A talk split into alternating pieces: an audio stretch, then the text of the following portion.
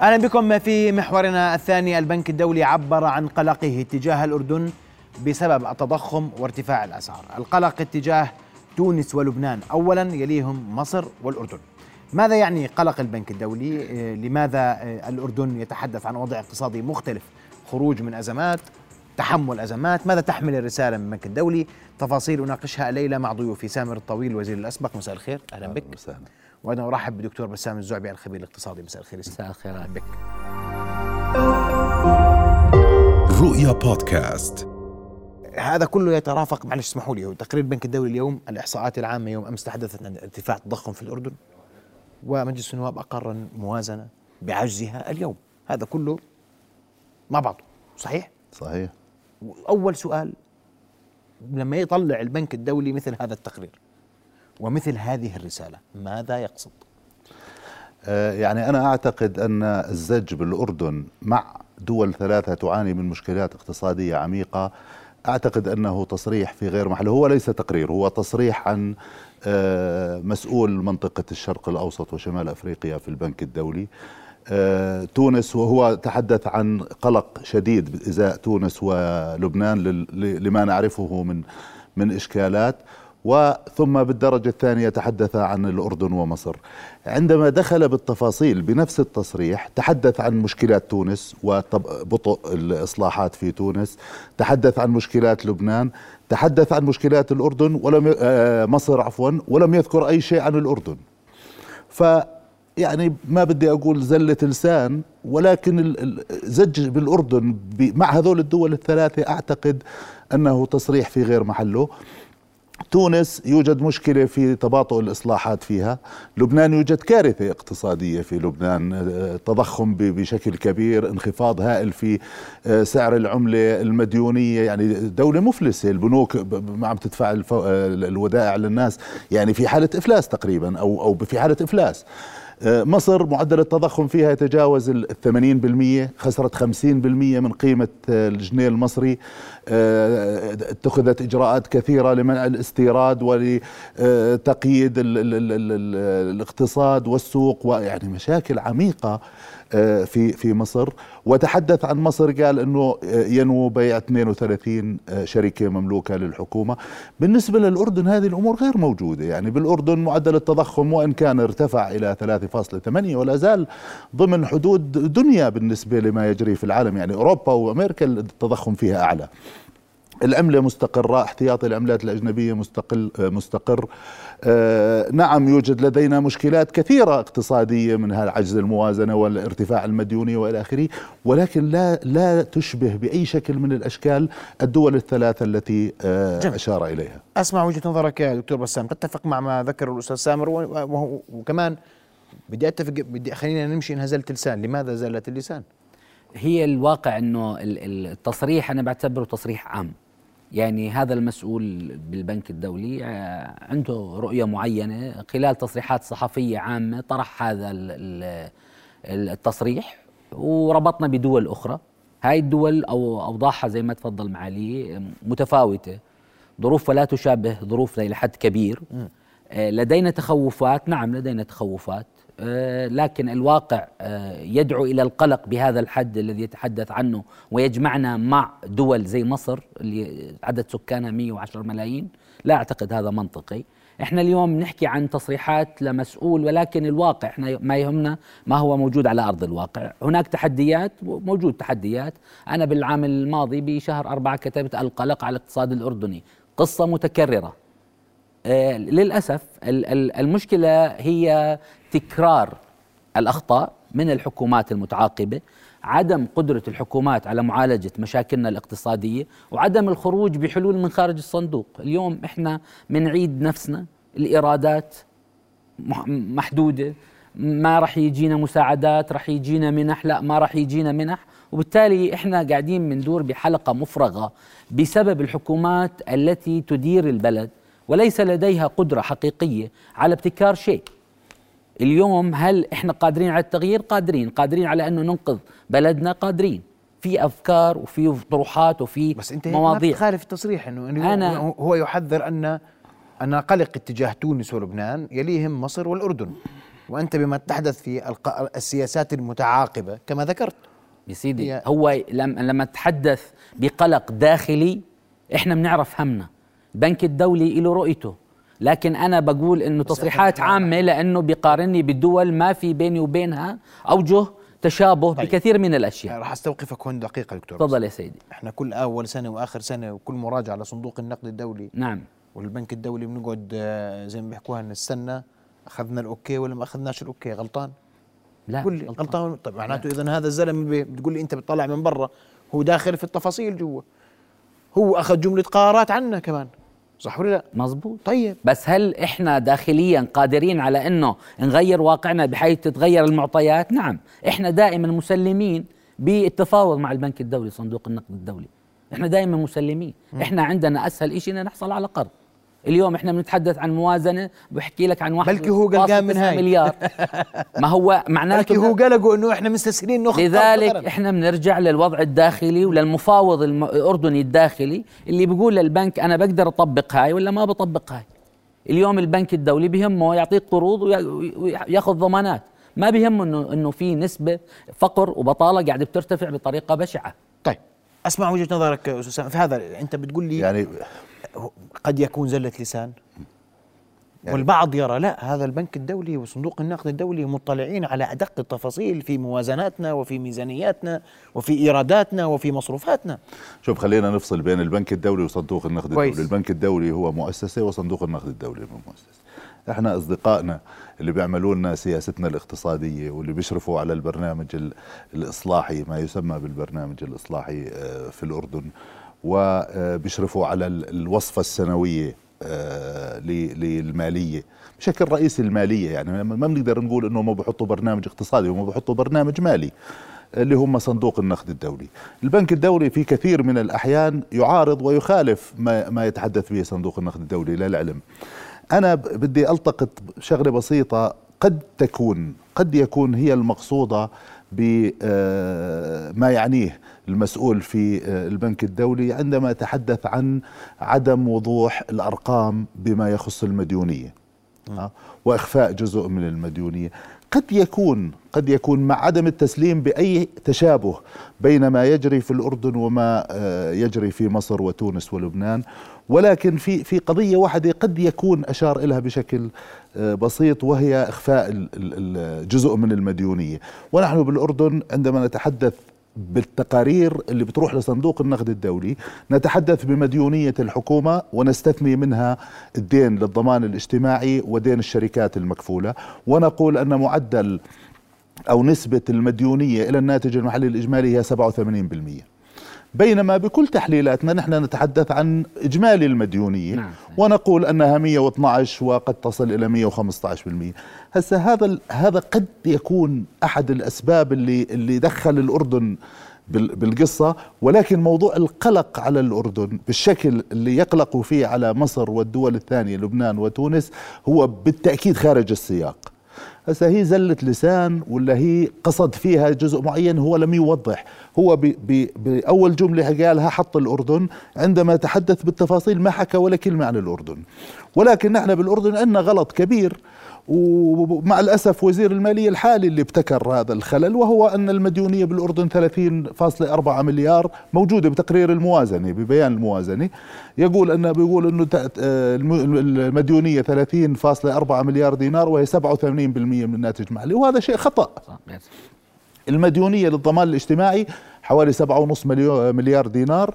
الديون الشركات الحكومية الديون المكفولة من الحكومة أيضا يجب أن تضاف وبالتالي يصبح حجم الدين حوالي 112 أو 114 كانت؟ سابقا طبعا كانت تنحط. هاي فقط في عهد وزير المالية الحالي هو من أقنع صندوق النقد الدولي باستثنائها وصاروا يطلعوها بالتقارير. قد يكون البنك الدولي مش عاجبه هذا الإخفاء لهذا الجزء لأنه تحدث عن إخفاء مصر لجزء من مديونيات المديونية الشركات المملوكة للحكومة ما بيسجلوها ضمن الدين العام المصري. بالنسبة لنا داخليا إحنا لما نتحدث عن المديونية بنقول 39 مليار دينار وهي 112 أو 114% من الناتج المحلي الإجمالي وهذا الأمر بنعرفه. وإذا بده يكون قلق بالنسبة لنا أو للبنك الدولي فهو قلق عمره عشرات السنوات مش امبارح انعمل يعني إحنا من بعد ال 2004 و2005 المديونية في ارتفاع سنويا ونسبة الدين للناتج المحلي الإجمالي في ارتفاع. فشو اللي فاجئوا اليوم ب 15 1 2023 يعطي هذا التصريح؟ يعني ليش ما قالوا قبل ست أشهر وقبل سنة؟ هذا مش شيء جديد.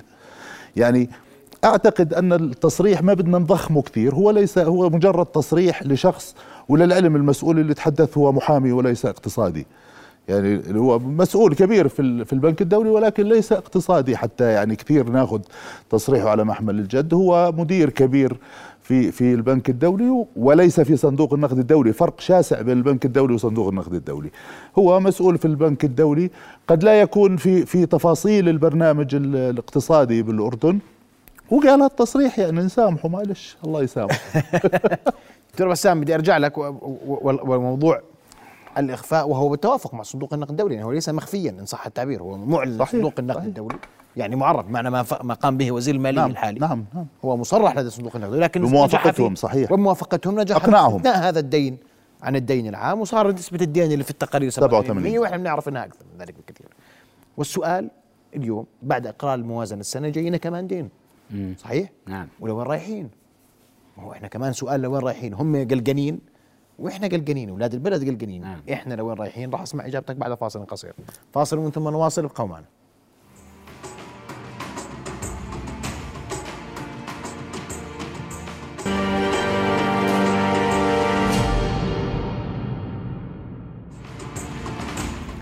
نواصل حوارنا وضيوفنا الكرام. دكتور بسام توقفت معك قلت لك إحنا لسه عندنا قلق داخلي من كل ما يحدث. ان آه، آه، اقتصادنا بنمو بشكل بسيط ضعيف أزمة كورونا لسه بنعاني منها روسيا أوكرانيا بنعاني منها كل ما يحدث في العالم يؤثر علينا. نعم. إحنا اقتصاد صغير. صحيح؟ واليوم قلق الناس إنه إحنا وين رايحين في البلد اقتصاديا. أسمع رأيك. أنا بدي أعلق على الموضوع اللي حكى فيه معالي بخصوص موضوع صندوق استثمار أموال الضمان. أه. هذا الموضوع أثير أكثر من مرة. وللأسف الوزير الحالي مصر على إنه يقنع الجهات الدولية بأنه الدين الداخلي ما ينحسب بالدين. وهذا خطأ. اقتصاديا مش الدين الداخلي ومش حاسب الضمان؟ هذا دين الضمان. بس دين الضمان. الضمان والشركات الأخرى. أنا بهمني الضمان. الضمان اليوم تحكي عن رقم تجاوز 53% من ما هو مو من موجودات صندوق أموال الضمان بايد الحكومة. طيب. ما بصيرش الحكومة كل ما بدي مبلغ أنا بتسهيلات بقرار. ما أنت بتعين رئيس مجلس الإدارة وأعضاء مجلس الإدارة بتعين رئيس الصندوق وتقول له ألو بدي 100 مليون. يعني المنطق هذا مرفوض. هاي الأموال يملكها الشعب الأردني. ما بيصير الحكومة تكون واضح أصلا إيدها عليها. إذا إحنا مسلمين بإنه وهذا خطأ. بس هم أكثر من مرة أوضحوا إنه هم ملتزمين بالسداد. ملتزمين بالسداد بس الصندوق الاستثمار أموال الضمان لازم يكون عنده أولويات أخرى. وحكينا فيها طيب. أكثر من مرة. بقول لك الربح كويس. لا توجه أنا بجاوبك عنهم. أنا بدي أجاوب بس بدي آخذ لك أنا بجاوبك. أنا بقول لك عشان عشان أكون صريح. بقول لك الربح كويس.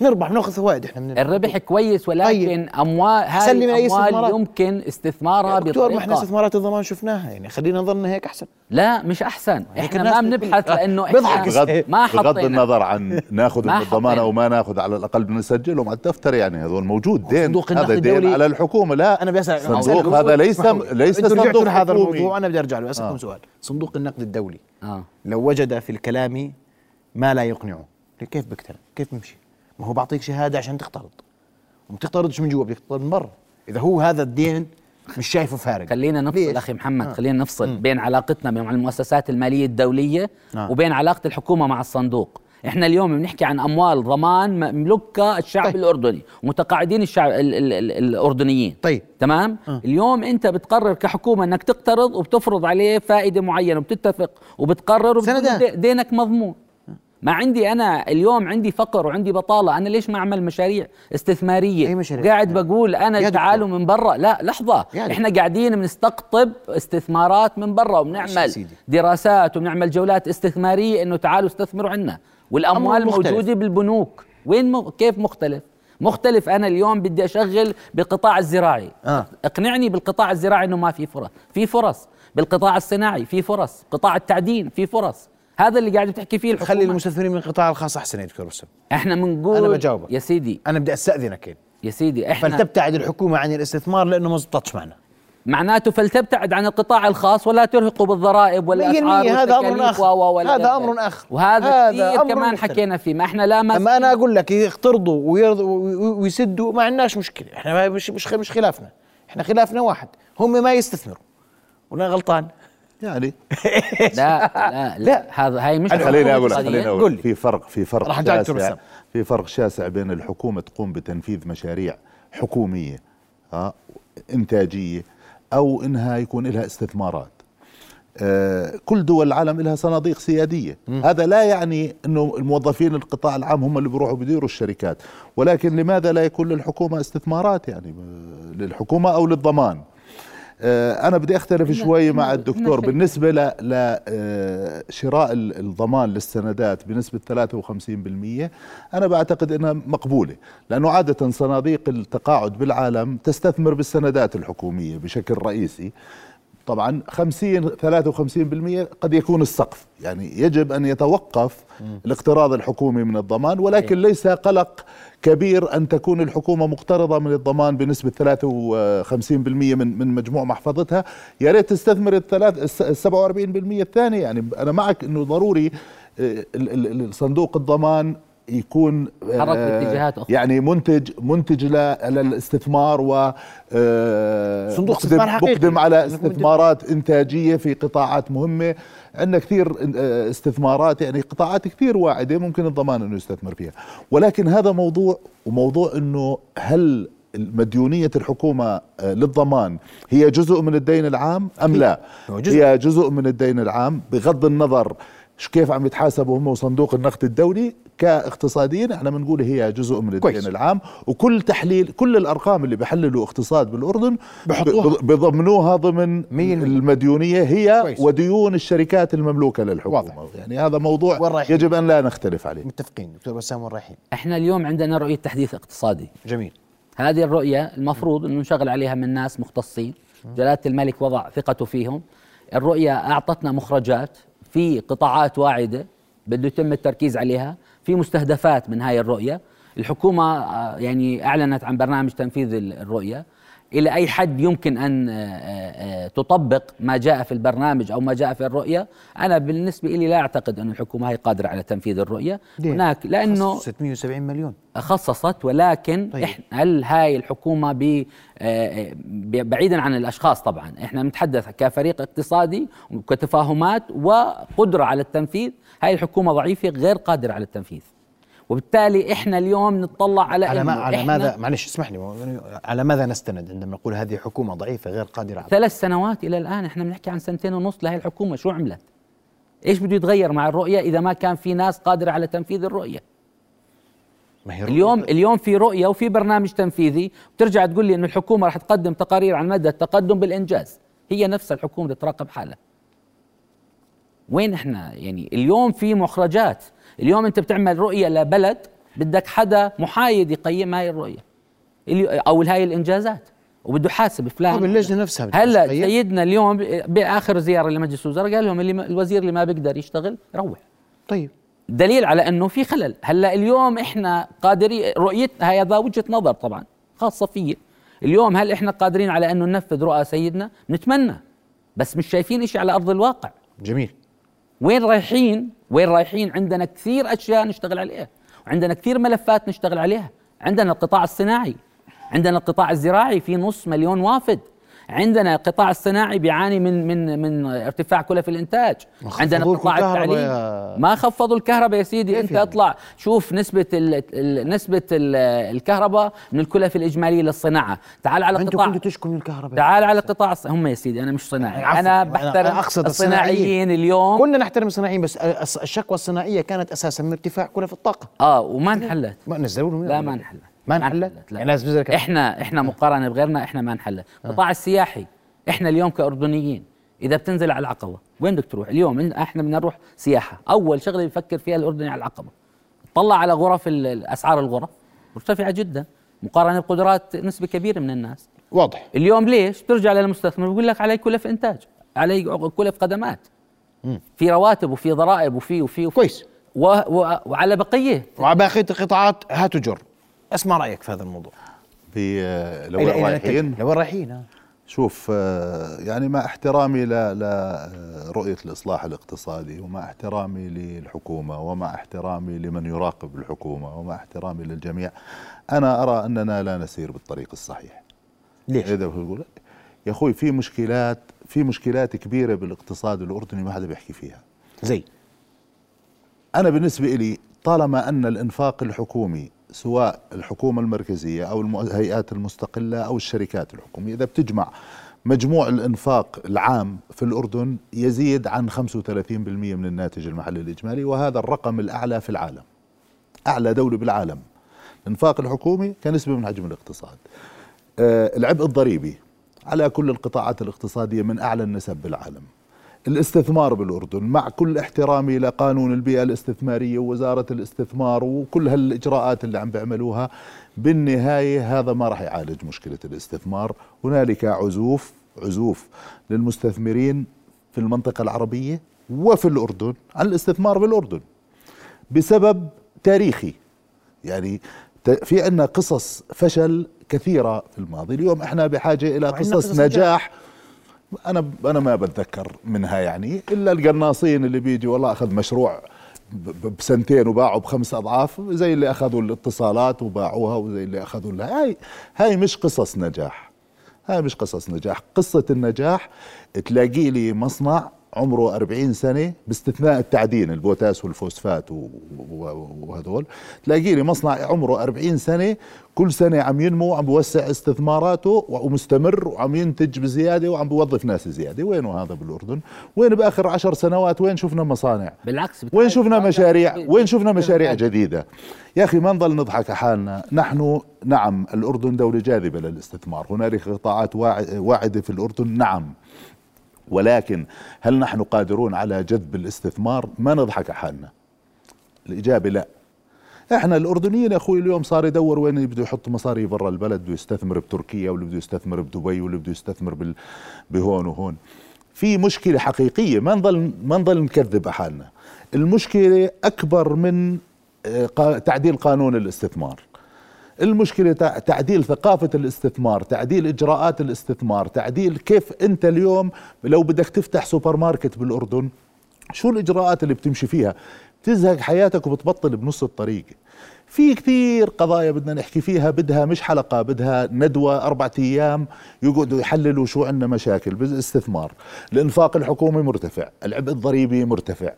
السياسة النقدية مع أنه مفيدة من حيث تثبيت سعر صرف الدينار ولكنها تنعكس سلبا على الاقتصاد. يا أخي مين بده يستثمر والبنك بياخذ منك 10% أنو استثمار بيعمل صافي ربح 10% شو هو؟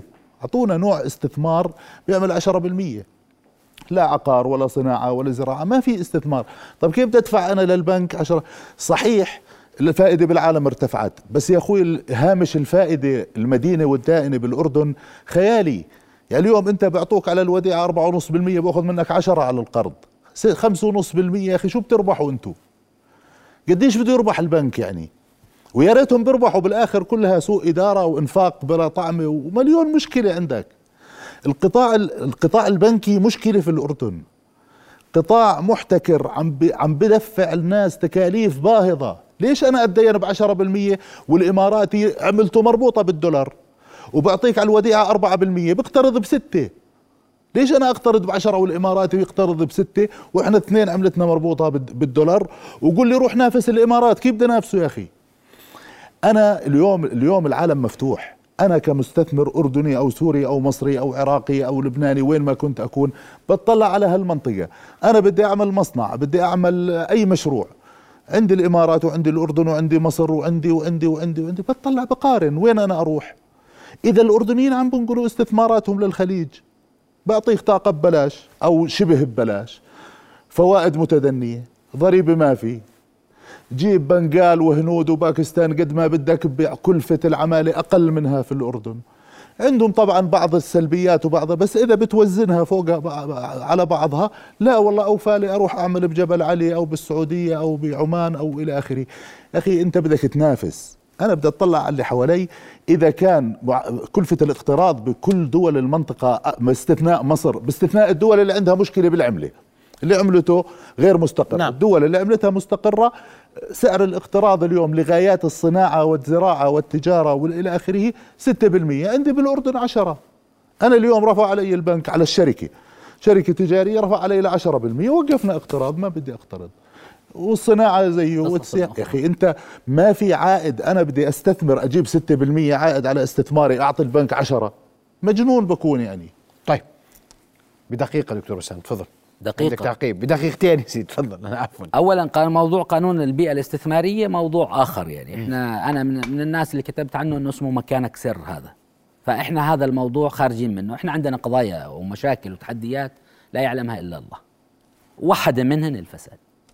إحنا اليوم ما بنحب بلدنا. أنا بعتبر إنه أي مسؤول ما بيشتغل لمصلحة البلد ما بحب البلد.